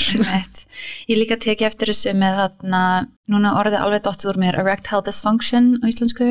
Risvanda. risvanda, þú veist, fólk er einmitt að, spurja mig bara, ég held ég sem er risvanda hvað ég að gera? Og ég bara svona, ok, þú veist, getur talað við læknið bla, bla, þau eru bara, já, en þú sagt mér ef þetta er, þú veist, vandamálið? Og ég bara, ok, og þá eru þau að segja, þú veist ég get ekki alltaf farið bara round two rétt um leið já, já, og já, já. ég get, í veist, stundum bara er ég ekki tilbúin í kynlíf og ég bara, þú veist, hann, hann verður ekki veist, þetta, standpínun verður ekki eins sterk og ég bara veit ekki hvað er að mér Mhm. Ég bara, stundum líka minn er ekki tilbúin í kynlíf, það er bara þannig og yfirleitt er þetta ekkert vandamál en þá stundum en að myndli kemur þetta upp like, er ég þá með risa, ég bara svona bara þarf ég að fara að viagra, ég er bara átjánura, ég vissi ekki, þetta er bara framtíðinu ónýtt. stundum er ég bara svo stressaður og þá get ég ekki verið, þú veist, að fróa mig og ég veit ekki hvað að, það er bara, menn, þau eru með rútínu Mm -hmm. bara áður en fyrir að sofa þá er ég að fróa mér og þú veist, það er bara stundum bara get ég ekki fengið það Já, þá get ég ekki sopnað. kannski að því þú ert svona stressaður og þú ert að sæki þetta til þess að alltaf að, þú veist, og núna er tengslinin við líkamannin og kynlíf aðeins öðruvísi, en kannski er það líka bara því once in a while þú ert ofstressaður og þannig er líkaminn Og það hefur áhrif á Einmitt, og það þýðir ekki að þú ert með eitthvað, va- eitthvað vandamál, vandamál. Er hvernig við hugsum um eitt um veist, kallmenn og þeirra hlutverk veist, það hefur rosa mikið áhrif á hvað er alvöru kynlíf Mhm. hvað eru kynlífs uh, vandamál hvernig við horfum á líka sem kynnsjúkdóma þetta hefur rosa mikið áhrif á það líka og líka með svona sorg stundum stress, sorg erfiðir hlutir, bara hafa áhrif á því kynfræslega líka Og líka þú ert að deyta, þú ert kannski í nýju sambandi, kannski Já. ekki neða sambandi, þú ert að sofa hjá nýri mannisku eða, eða einmitt nýju sambandi, þú bara nægir fá stampinu. mm -hmm. Og þannig að þau eru í volli við því, bara já, að því þú ert með nýri mannisku, það er stressandi, getur Já. verið það, þú veist, ekkert alltaf. Og þá kannski konan í þessu gagkinni sambandi, að þetta er svo reglulegt munstur, fyrir að hugsa hvað er að mér, akkur fær hann ekki stampinu með mér. já, Hann sagði, þú veist, þetta var ekki vandamál með fyrirvændi. já hún gerði eitthvað til þess að særa hann Mm -hmm. hann er ekki að tala um það allt í einu hann bara hans kynlöngun er Já, ekki hann er ekki að fá stampinu. Já, eða líka bara hann nennir ekki að þú veist, initiate, eða þú veist, byrja að þú veist, vilja stundu kynlíf, þá kannski kemur hún heim frá vinnin setna þá er hann að fróa sér áður en hún kemur heim. Hún tekur eftir þessu eða þú veist, fattur þetta og þá er hún bara hvað að mér? Hlýtur að vera líka með minn hlýtur að vera eitthvað kynfæðislegt við mig. Já, nei, það er að því þið eru reyði hvort annað eða þið þú er veist, ekki að tala Þeir saman. eru ekki að tala saman, eða hann er sár út í eitthvað sem þú gerðir kannski, hann er ekki að tala um það, tölum um um mitt að það- þarna samskipti skiptir svo miklu máli. Við erum ekki bara að tala um samskipti um kynlíf, við erum að tala um bara samskiptir yfir höfuð. Já, bara, hvað þarft þú? Þetta er rosalega algengt að við líka sækjum í þetta sem er ekki beint auðveldara en kannski fyrir okkur líklegra að það hefur áhrif á kynlíf er líka minn en oftast er það ekki bara Ekki, já, já. Svona væntingar til þín sem konu eða kalli í samfélaginu það. Já, í samskiptum í sambandi, hvað þú mátt byggjum, hvaða óskir og hérna, svona kröfur þú hefur í sambandi, þú bara þú mátt eiginlega ekki hafa kröfur og, þú veist, og bæði kynin, þú veist, kannski ef þú vilt samband bara, já, það máttu alveg vilja samband, þú mátt gera kröfu um það já. og ef hann er ekki til í það, þá máttu segja ok, bye, Æ, já, einmitt.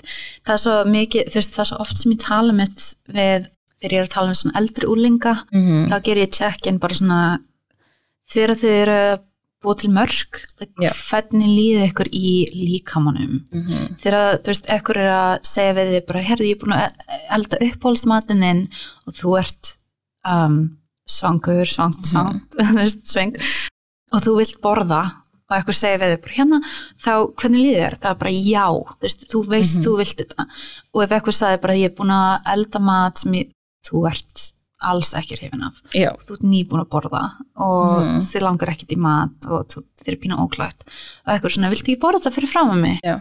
Hvernig myndi þið líða? Og þá er mitt finna þið fyrir bara hvar er nei í líkaminum, hvar er já og þegar ég hafa erfiðleika að finna fyrir þessu þá getið þið kannski tala við eitthvað um þetta Mhm. Og þetta er svo mikilvægt fyrir mig að segja því þú veist þegar ég segi því núna erum við að fara að tala um hluti sem kannski eru erfiðir fyrir suma Mhm. kannski er óþægilegt en ég vil að þið sjá mun á milli óþægindi og gera eitthvað sem þið virkilega vilja ekki gera og þá getur þið tala um þetta við mig Mhm. að því það er svo mm, þú veist mikilvægt fyrir mig líka sem kennari að þú veist að segja bara ég vil verða líkamsmörk ykkar.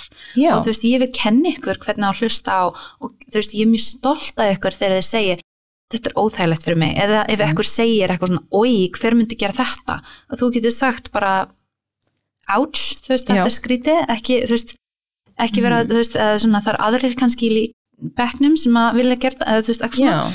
Að því það er svo mikilvægt að, að æfa þetta, Já. þetta er ekki sjálfgeði það er mjög mikilvægt að vita líka svona, sérskulega fyrir stelpur. Þú mátt setja kröfu, þú mátt setja mörg.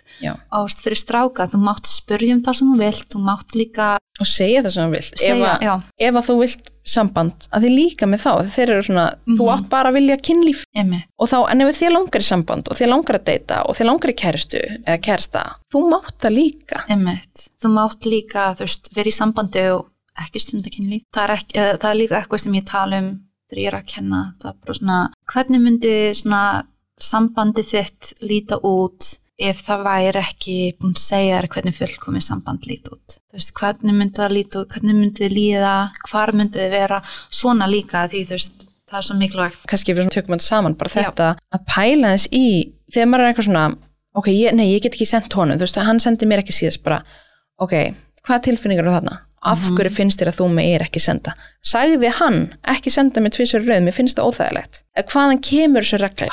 Einmitt. var það einhver sem sagði þér þú ætti ekki vera of interested, þú ætti ekki að senda svo er það samfélagið, þú veist ekki Já. eins og hvaðan það kemur, þú bara þú átti ekki að taka upp svona mikið plás Já. þú átti ekki, að vera svona þú ætti ekki að vera vocal, vocal, og, já, assertive assertive, já, þú átti ekki að vera pæla hans í þessum reglum og bara af hverju finnst mér ég ekki mega byggðin það sem ég vil Mhm. af hverju finnst mér ég þurfa, þú veist, annarkvæmst eiga stundakynlíf eða eiga ekki stundakynlíf, að pæla svona aðeins í Já, ég við með tekið eftir þessu bara með að fólk segir við mig bara veist, það er sársökaföld og stundakynlíf mm -hmm. og þeir eru svona, já, stundum segir svona getum við kannski skiptið þér í doggi ég er bara svona, akkur segir ekki, mér langar að gera þetta Já. því þetta er líka höfnun Já.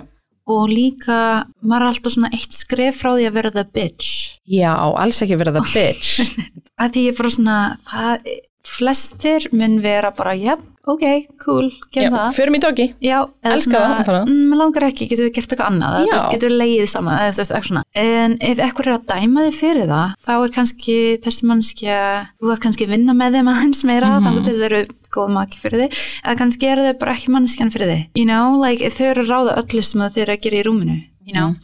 en, Mhm. og er bara dismissive á því, bara doggi, nei hef aldrei prófað, mér langar ekki að prófa því ég held að það sé ekki næst, bara ok ekki til í að Já. skoða fyrir mig um, en hérna áður við skiptum um umræðefni Mhm. og að því við erum að þátturinn að sjálfsögðu búið elk og unasvara tekur þú að því við erum að pæla svona kynjamunum hvernig tekur þú, að því ég veit að þú munt segja já ég tek eftir því, hvernig serðu munin á milli kynja með kynlistæki áhugaverða að heyra frá þér en ég segi kannski, Já, sko, ég hef gert líka svona, hvað segir maður, svona partí, svona, þú veist, uh, kynningar. Ég hef tekið eftir því þegar svo margir sem spurja mig, ó, þú veist, þegar þú ert að gera kynningu fyrir stekkjun, er ekki rosalega óþægilegt, er ekki rosalega skrítið. Já.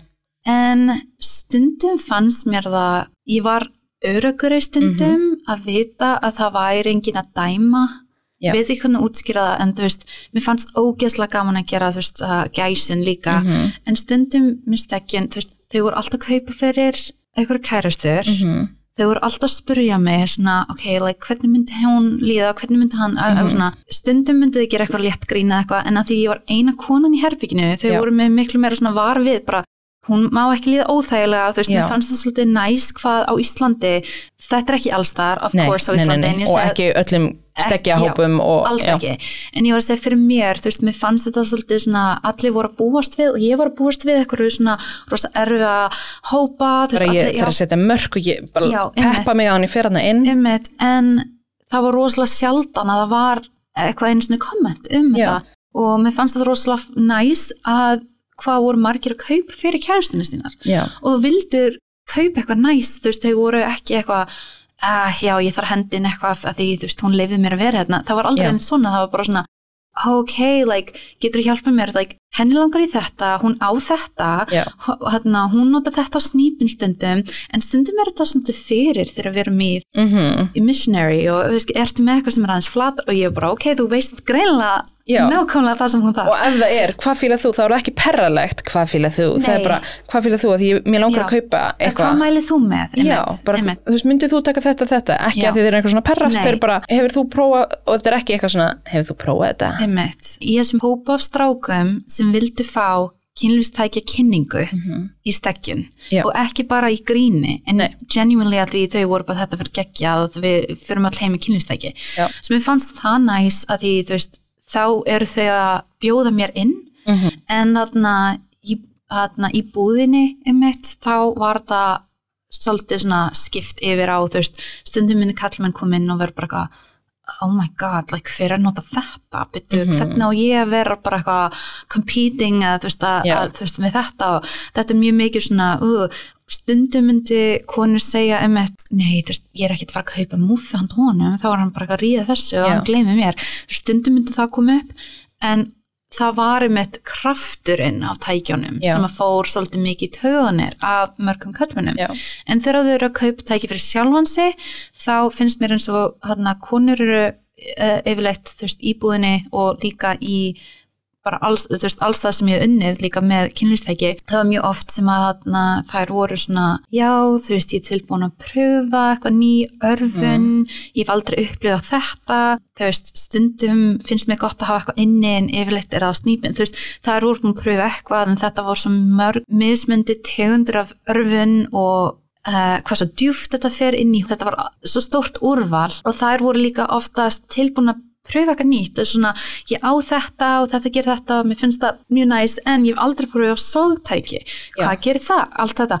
Versus kallmenn, þú veist, það var mjög það var sjald, ég vil ekki segja sjaldan þetta var, þetta gerðist líka mjög oft en með við hvernig konur veslaði, þá voru þau ekki eins oft að kaupa til dæmis buttplug eða rassa Já, já, eða bara þú veist yfir pungin eða bara eitthvað Mhm. sem titraði þau voru bara, nei, nei, það, það verður konur þú veist, það Já. er svolítið svona bara múfa, bara múfa, en ég elskaði ég mitt þegar kallmenn kom inn og voru bara, ú, þú veist, ég hef aldrei pröfað það, er það næs? Nice? Ég tek það, ég pröfa það. Já. Ég bara, oh, like, ég veit að þú geggjar í rúminu. Ef þú ert til í að prófa. Ég, bara, cool, cool. Ná, mér fannst þið mitt bara svolítið svona sjálfgeft að Já. konur myndu pröfa eitthvað nýtt og gera eitthvað og, en kallmenn fyrir titrara, fyrir konuna þá meira svona eitthvað sem við getum notað saman þú veist, konur var svona, ég ætla að nota þetta ein og kannski einn daginn tekið þetta Já. samþerfi. og líka þær eru að kaupa fyrir hann Já, já, það er ekkert einhvað, áttu einhvað fyrir tippi sem við getum notað endilega saman, það er bara eitthvað svona, ok, ég ætla að kaupa muffi handa honum Einmitt. en það er líka það sem ég finnst út í svona í grunninn aðalega fólk hefur ekki taganlega mikið um kynlistæki, er þetta óryggi og það er Mhm. bæði er, er hérna titlina fyrir að replace me koma í Já. staðan fyrir mig sem kallmaður eða er þessi hérna rungmúfa að koma í staðan fyrir mig Mhm. hvað hefur þetta verið betur en píkan mín maður eitthvað, kynlífi miklu meira en heldur en bara Já. eitt það sem tippi fyrir inn eða Mér finnst líka svolítið áhugavert einmitt bara þessa múfur er að hlut gera okkur en Mhm. veist, dildóin er ekki og ég heyri mitt að fólk segja þetta en ég er bara svona, en ef maður lítra á söguna af að hlut gera konur á sjálfsög er meira var við býtu, ok, þetta er að hlut gera mig like, Mhm. mér líður óþægilega en á sama tíma, þú veist, kallmenn hafa ekki farið í gegnum saman sögu með að hlut gera Mhm. líkamann þeirra.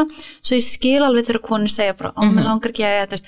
En það eru fylgt að múfu til sem eru ekki með sem er þessa ekki gerfi pík þetta er bara hvítt einmitt. hólkur og líka sama það er fyllt að dildóum sem eru fjólubláir með glimmer um, en það er líka allt í lagi að vilja þetta sem lítur út Já. eins og raunveruleikin Mhm. og en ef maður getur tala um það mér líður óþægilega, mér langar að tala við þið um þetta, þú veist, ég hef farið gegnum það að vera hlutgerð sem kona Mhm. like, hvernig lítur þú á múfuna þína og hvernig, það er allt í lagi að byrja á þessum umræðum líka en En þetta er ekkit endilega, ég er að ímynda mér að þetta sé önnur kona Einmitt. og konur eru bara hérna píkan bara, Já.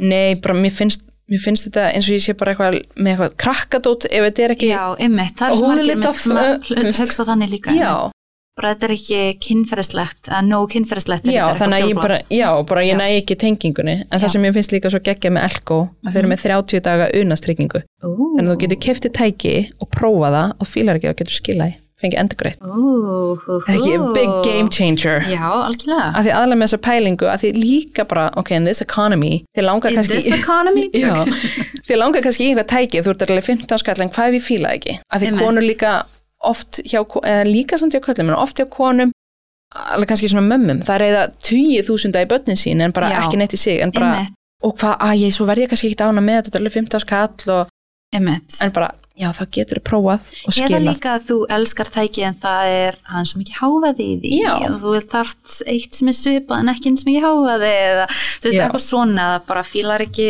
handfangi eða eitthvað þú veist, það, er Algjör. svona, það er mjög sniðut að geta, ske- ég bara, þetta er game changer ok, en núna fyrir við kannski færum okkur yfir í kinnfæra skömm. Ef við kannski byrjum að bara svona skilgreina það. Já, hvað er kinnfæra skömm? genital shame. Já, genital shame. Sko þetta kemur upp hjá fólki yfir kynfær yfir, höfuð eða ekki að tala um píku eða tippi, bara geta ekki eins og sagt orðin og þannig bara almennt eða skömm yfir þeirra kynfæri, svo þetta er svona skilgreint í, í tveim hópum hana. en þegar fólk er með hana, skömm yfir hvernig kyn, uh, kynfærin þeirra lít út kannski lykt eða bragð eða eitthvað svoleiðis en líka hvernig þau hvernig örfun gerist. Eða þú veist hvernig, þú veist eins og með standpínur bara ég er ekki nóg stór, það er ekki nóg stert það er ekki nóg hart eða þú veist það er ekki nóg blóðflæði. Og líka hjá píkum þetta er of stórt, of Já. langt of mikið. Of stóri barmar, já, ekki nóg þröng en alltaf þröng. Já, og verð ég víð ef ég er búin að sofa hjá of mörgum? Einmitt. það er svolítið svona misjant líka að maður er kannski ekki aldrei nóg stór sem kall maður Mhm. aldrei nóg lítil já, sem kona þess að fyndi bara it's a mis mismatch. Já, einmitt, ég er bara svona hvað fyrir þetta risatippi inn í, pínu litli píkuna. Einmitt, einmitt, algjörlega og líka, ég hef tekið eftir því líka með kynfæriskömm, þetta er ekki alltaf tengt sjálfsálit með restina líkamannum, Mhm. þú veist, þú getur verið með mjög flott og gott sjálfsálit hvernig þú lítur út, þú, þér finnst eins og fyrir konum þú veist, mér finnst ég verið falleg og þú veist, líka minni fallegur en píkan mín skítu, óþægilegt að horfa á hotna, of stór, of lítil og eitthvað skríti í með eitthvað skrýtna lykt þarna, þú veist, eitthvað svona. Að, og það hefur ekki alltaf það að segja með þú veist, hvernig restin líkamann lítur út. Að þið kannski líka minn svona í líkam staðalæðinum að þú veist hvernig þú átt að vera kannski passar þar og andlitið þú ert svona falleg í samfélaginu okkar og það sem samfélag okkar til að vera fallegt og líka menn passar þar en kinnfærin passa ekki í hvernig kinnfæri inn að gæsa upp að eiga að vera Einmitt. Og mér finnst það svolítið áhugavert líka því þarna, ég veit ekki ef þetta er bara klám, að því þetta byrjar oft st- áður en að stelpur Mhm. horfa á klám. já, Að það er finnast eins og breytinganar. Það er voru ekki sagt að það er myndi fara gegnum þessar breytingar. já, að kinnfærin breytast bara Kynfærin frá því stelpa Já. yfir bara unglingur og Einmitt. frameftir Bara allt í einu ertu með kannski engar innri barma mm -hmm. þá bara allt í einu er maður komið eitthvað langa innri barma og maður bara svona býtu, Er þetta eitthvað- Já, er þetta eðlilegt, er þetta í lægi er eitthvað að mér, er þetta því ég fróaði mér, er þetta því að það er eitthvað er, í einhvern sjúkdóm bara. Legungun mín er eitthvað laus uh, lús og ég bara, þú veist þetta er að leka bara hérna leka, í gegnum barmana. Einmitt, það er margir sem að vita ekki að þau ef er með hár líka þar veist, Mhm. á innan, ekki bara efst upp á upp á. Svo mér finnst það líka svona og hjá þarna, strákum líka það er bara svona, byttu tippi mitt er ekki orðið en stórt eins og ég held það myndi vera, er það hægt stækka? Hvernig get ég stækka? Get ég fyrir einhver aðgerð, bara strákar í áttundabekk að spurja Já. Mhm. um einhver aðgerðar á kinnfæranu sínum. Verður þetta ekki aðeins þykkara? Þú veist, ég heyri það stelpur fíla meira ef það þykkt, ekki blánt eitthvað svona, og líka bara hvernig við tölum um kynfærin okkar og líka það mjög ofta kannski við sjá, eins og Íslandi, við sjáum hvort í sund í, í klefanum en þú veist, þá er ekki píkan örfuð, eða þú veist, það er Nei. ekki blóðflæði í snýpin og, og þú sérði barmana. ekki píkuna pík Pík, já, þú sérð einmitt. ytri kannski já. barmana kannski sérð snýpin og smá innri barmana en þú sérð ekki eins og þegar lappin eru glendar Ymmit, ymmit. Það er mjög ofta na, hjá konum líka, þau fatta ekki að það er blóðflæði, það eru breytingar sem að gerast í kynlífi. Einu er píkan orðið miklu starri í kynlífi. og bara- verður bólgin í kynlífi Já, ymmit, og ég er eitthvað að strekja þetta út skringilega, like, át að vera svona, Mm. að heyra hvernig orð eins og í bandreikinum fólk notar bara, like, að kalla alltaf like roast beef. já, líka á Íslandi, já. roast beef Já, maður bara svona, ok, like, mér finnst Já. það bara svo fyndað, ég er bara svona, ég veit ekki, svona, þetta á að vera svona eitthvað svona lítið, blóm og þetta líka eins og við vorum að tala með hérna, kynlýstæki, Mhm. Of stór tæki, of kraftmikil tæki, þetta er að fara að eðalegja þetta fallega litlu píku, Já. bara, nei, ég er að fara að eyðilega bara næmnina Já. ef ég er með of kröftugt og hvað ef ég get aldrei hægt að nota tæki? Emmett, af því þið haldið að skemmist eitthvað. Og þetta er með veist, þetta, þessi skömm líka veist, ég á að vera lítil, ég á að vera veist, tak, Mhm. ekki taka upp mikið plás og kynfæri mín eiga að vera falleg. Ekki taka pláss. ekki taka plás og líka vera það einföld Já. þetta er það líka, þetta kemur upp aftur þetta á að vera einfalt, þú átt bara að sjá snýpin hann er þar með eitthvað rauðu merki Já. snýpur hér og snýpur hann að vera þarna og þú veist, það er erfitt að finna hann þá bara eitthvað að, þú veist já, það er bara eitthvað dót þarna sem að er að flækjast fyrir veist, ekki að skera það af bara Nei, emitt, algjörlega. En þá sjálfsög sjáum við í bíómyndum hvernig að tala um píkur, Mhm. þá sjáum við í klám líka.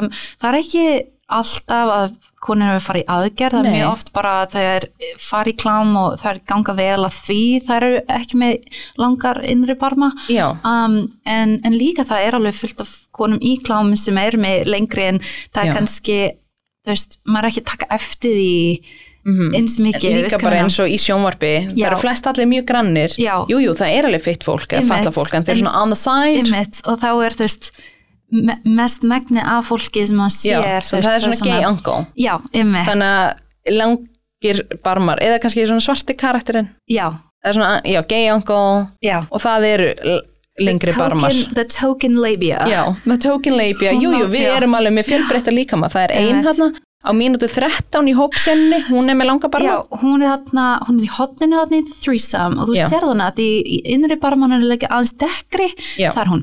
Það er hún, hún, hún já, þannig að token labia inner labia. Já, token labia má vera með.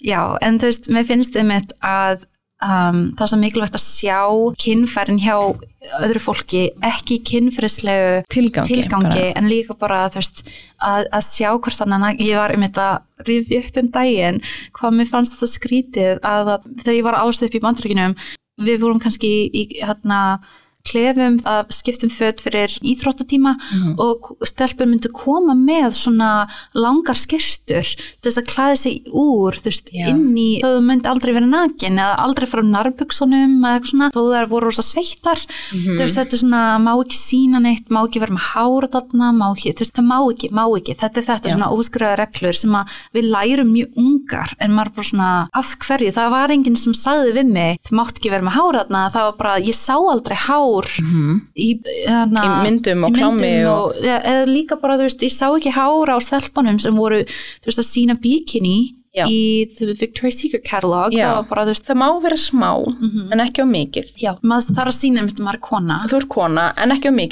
Sem já, er líka að þetta svona- er alltaf flækist fyrir þetta er óþægilegt þetta er þetta er, þetta er, já, allt þetta er mitt sem að maður, maður sér en Mhm. stundum vildi ég að ég væri aðeins, að ég veit ekki, þú veist þó það sé bara pínu stubble komi, aðeins svona hára vaksa komi bara svona pínlítið þú veist, ég fæ engan kvíða yfir því en stundum hugsa ég bara svona ah, like, af hverju af hverju er ég með þessi löngun að bara taka allt hárið í burtu á þetta þú veist, ég er bara svona, þó ég sé kynfræðingur þó ég sé að rannsaka félags svona, þú veist, um áhorf á píkur og allt þetta, þú veist, ég er samt bara svona, mm, það er svo pyrrandi Það að er vera vaka mig. kynfræðingur og að þessi hlutir hafa áhrif á mann og maður er bara já, god fucking damn it emmitt af hverju, ég Algjörlega. veit betur en það hefur samt áhrif þannig ef það hefur áhrif á okkur Já. sem bara höfum lært um þetta, sem vinnum við þetta og fræðst um þetta, emmitt, það er svo skiljalegt að fólk bara, við erum kannski þá líka bara meðvitaðari um, ekki allt, það bóttið eitthvað mjög ómeðvitað hjá okkur, en það er svo margt sem er bara algjörlega ómeðvitað hjá svo stórum hóp, mm bara nei, ég get ekki farið sund, ég er ekki búin að raka mig tvær vikur eða eitthvað, maður eitthvað, erum við að fara að skoða er það þannig sundferð eða? Það líka því þú veist, það er svona ef það er hárað þarna þá mun Mhm. fólk horfa þarna er óþæg, veist, það er svona ekki það norm Já, og því þá er fólk að horfa þarna þá er fólk að taka eftir ég sem er píku og þá allt henni er þetta orðið kynfræslegt já. og maður er svona ah, þú Now that escalated quickly. Já, ég er bara svona, ok en veist, það er alveg sagt að þarna, maður tekur eftir því þegar ekkur er með háratna Mhm. en þá er mitt, er maður ekki alltaf að hugsa um eitthvað kynferðislegt, en Nei. fyrir suma að bara hugsa til þess að fólk sé að taka eftir píkuna er nóg til þess að þau verða með þetta skömm. Já, líka bara beinið þarna pubic bone og mons pubis bara lífbeinið. já, en þarna að það sé að stærra hjá okkurum, Mhm. þá er mitt bara hvað er hún með tippið þarna? Já, ég bara, oh my god, like, segðu mér að þú hefur ekki sinna þetta konu á þess að segja þetta. um, en þá hjá kallmennum einmitt, eða fólk með tippi en fólk, sérstaklega fólk sem hefur verið alst upp sem kall, kallmenn sem eru kannski með upplifun að vera litli strákar inn á sundklefum og svona sjá tippi þú veist, eins og á Íslandi, sjá tippi og öðrum. Og þá einmitt kemur þetta svona það er heilbreytt stundum heilbreytt svona um, gott fyrir sjálfsáliti fyrir konur að sjá hvort annan naki Mhm. en fyrir kallmenn stundum er það gera það verra, það er bara Já. svona ég er ekki með nóg stórt tippi, sérðu hvað hinn eru með stærri en ég og það er kannski ekki eins mikið með líkamann en meir með tippið Mhm. verður sér konum, þú veist það er bara, ó, hún er svo mjóð, hún er með svo fallið brjóst, eða þú veist svona áherslan er minna á píkuna á- meira á þú veist restina líkamannum en mér finnst þetta rosalega áhugavert um þetta að skoða bara hvernig þetta hefur svona mismundi áhrif á, á fólk með, með tippin að fólk sem bara meðalstærð eða yfir meðalstærð, það Já. vil samt stækka það Einmitt. bara það vil stærra tippi og bara svona, ok, hva, hversu langt ætlum við að fara? það er svo fyndið með þarna um, uh, einn vinnu minn sem að, hann er hinsegin og hann var að, að segja mér að hann fór í svona um, hann var í einhverju ferðalagi og hann fór í sánu og þá um þetta er ekki svona steam room eins og þú veist svona kynferðislegt room eða neitt þannig, þetta var bara sána Bara sána, og þú veist, þau voru bara með svona lít, lítil svona hanglaði yfir sig sem þau sáta á eitthvað. Og það var einn gæði þarna inni og vinur hann sem var með, hann var bara eftir þau út, hann var bara sástu tippið á þessum gæja, þetta var rístótt bara hann á að vera í klámi. Einmitt, bara- bara svona alltaf hugsa um þetta, bara hann, það myndi genga rosa í klámi, þú veist hvað ég meina? Bara Við værum aldrei þannig í sána, bara sástu píkun á henni litlir innri barmar. Hún gæti verið klámstjárn ef að tala við hann og eftir að láta hann að vita innri barmar en þinn eru svakalegir. Einmitt bara high five hana bara, Já, bara- hún gæti verið klámstjárn Já. eitthvað svona fyrsta sem við hugsaum um með stór teipi bara, hann he'd make a lot of money þú veist, í, þó að kallmenn er ekki að græða eins mikið, þú veist, the performers þú veist, það er annars, annars samt en þú veist, það er svo fyndið þetta er svona fyrsta sem við hugsaum um með þetta bara að því þau eru bara, wow, he's winning líka, Já. þetta er svolítið þannig. Þetta tengir svo mikill kallmennskunni en mér finnst líka áhugavert með hérna tippastærðanum alltaf ekki, já stærði skiptir ekki máli að hún í alvörunni skiptir ekki máli. Þú getur verið með bara stórt tippi en samt ekki ofstórt, það má ekki vera ofstórt bara þú ert með það sem strákar for yourself bara strákar eru með eitthvað svona kallmenn og fólk með tippi eru með eitthvað svona ákveðna hugmynd hvað var í fullkomin stærð. Ok, svo er fólk með þá tippastærð. En það getur líka verið erfitt bara ég gæin með allt og stór tippið og bara fólk lítur á mig, ég er bara tippagæin og eru kannski ekkert góð í rúmuna því þau halda eina sem þau þurfa að gera er að vera með stórt tippi. Þau bara, eða mm, þarf ekki að pæla meira. þau eru kannski líka, þú veist, ég get ekki gert eins mikið, það, það Mhm. er bara sem hluti sem bara virka ekki fyrir mig. Munnmög er ekki þægilegt fyrir mig og Já. bara, þú veist, alls konar svona. Og en líka, ég veit ekki, þetta er rosalega áhugavert líka að vera með stórt tippi líka, veist, við notum þetta bara, hann er með big dick energy og Já. veist, allt þetta líka svona, hann er örugur í sjálfum sér, að því ef þú ert með stórt tippi þá áttu bara að vera örugur í sjálfum. Já. það er svolítið þannig líka menningin líka og svona, og Getur- alltaf niðrandi Mhm. eins og niðurlega Donald Trump. Já, um lítið tippi, maður er eitthvað, nei nei Donald Trump er margt, veit ekki um tippi á honum en það er ekki, við getum sagt rosalega margt annað. Já, en þetta er líka eitt sem að, þú veist að því við vorum að tala um kynlýstæki og Já. munin þarna, þetta er líka eitt sem ég tók eftir er ef ekkur væri gagkinnir sambandi, þá voru margir sem að koma og kiftu svona, hvað segir maður, svona framlengingu Já, svona extenders. eða svona þess að gera aðeins þykkara já, þau voru bara rosalega sátti með þetta þau voru bara, já, þú veist, þetta er geggjað og þú veist, henni líður rosalega vel með þetta og þú veist, mér líka og Já. og aðrir voru bara hvað er hann eitthvað kökk, bara hvað er aðánum Já.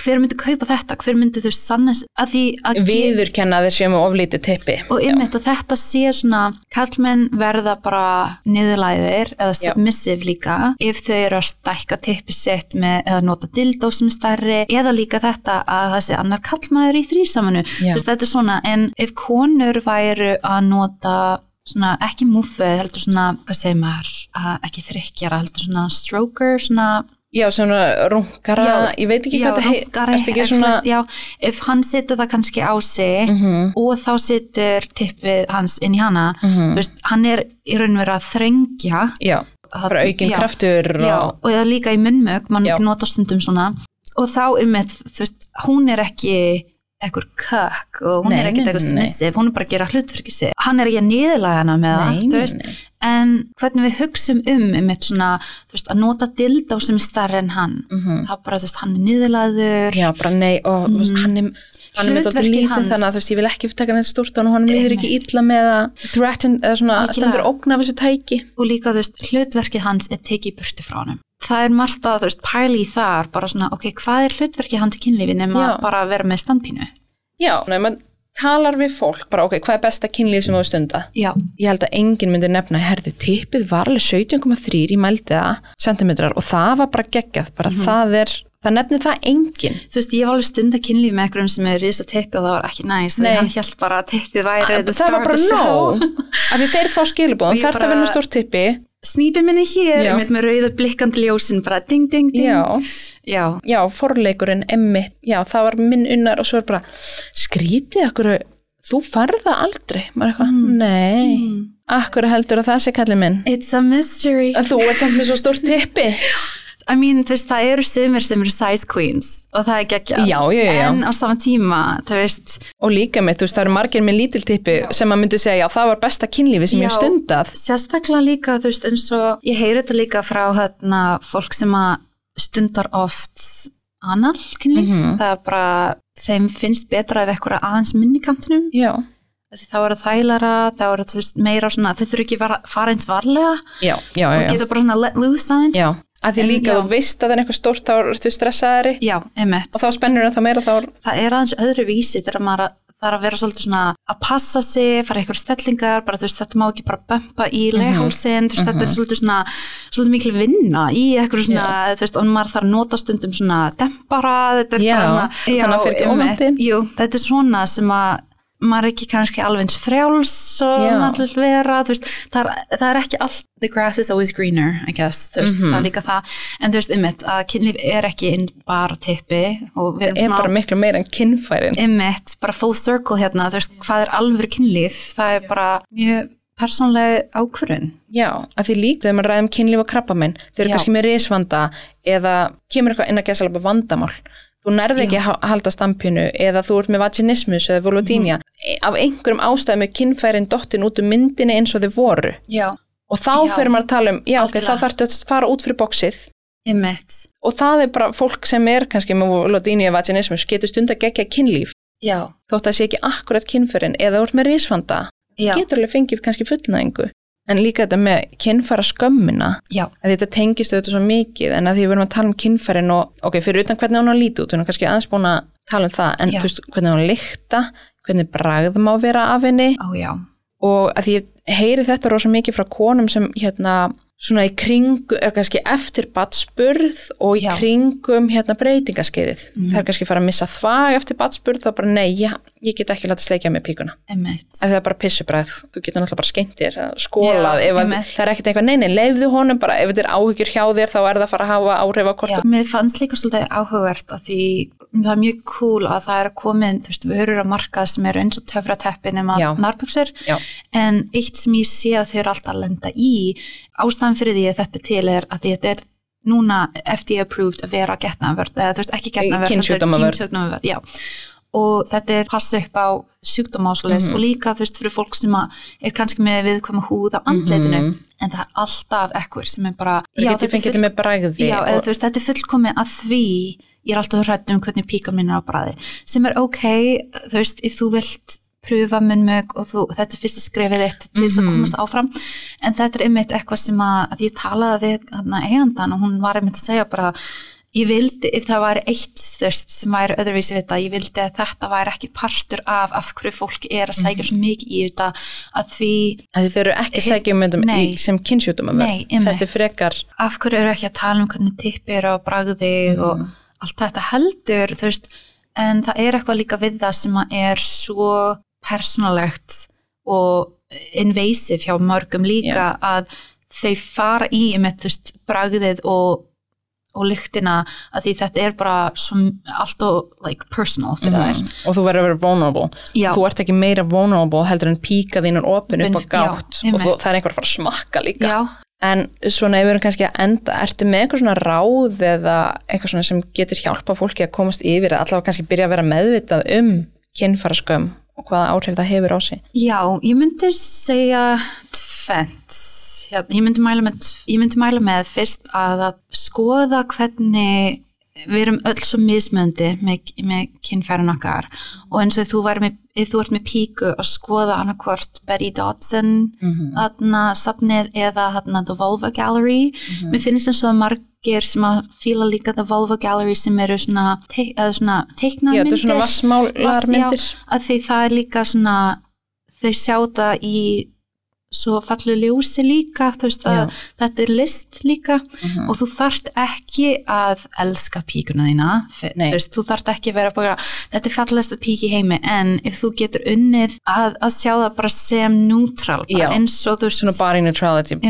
Ekki eins og mæjunin eða brjóstin eða eitthvað svona en Já. meira eins og þú veist innra lærið þú veist, eitthvað svona sem er kannski auðvaldra fyrir þig að tengjast að þetta sé þetta er bara líka á minn bara er svona að því þú veist við hugsum svo oft um hinn parta af okkur sem er Mhm. líka eiga að vera kvennmannslegari þú veist og líka annað sem ég myndi mæla með og líka bara fyrir kallmenn sérstaklega að hugsa um hvernig kynlíf er hvernig kynlíf líður fyrir utan kynfærin hvar finnur húðina þeirra á húðina þína? Það er á lappinar, hendunar bringuna, þú veist það er ekki bara kynfæri, hvar annað er í gangi. Það er þau eru að anda það er lyktina þeirra þú veist, hvernig er hárið þeirra þú veist, að, að jartengja sig svona þegar þú finnur þessa skömm, það getur hjálpa rosa mikið því þá ertu líka ekki bara að fókusa á kynfærin þín en líka bara að upplifa hvernig er að vera kynvera í staðan fyrir bara kynfærum heila, veist Já. það er aðeins aðra vísi en takk æðislega fyrir þetta, þetta var geggjað þáttur, allavega mér fannst það svo að fólk eru, vá hvað þær tala mikið. En alltaf gott að spjalla við þig fyrir að hafa mig hérna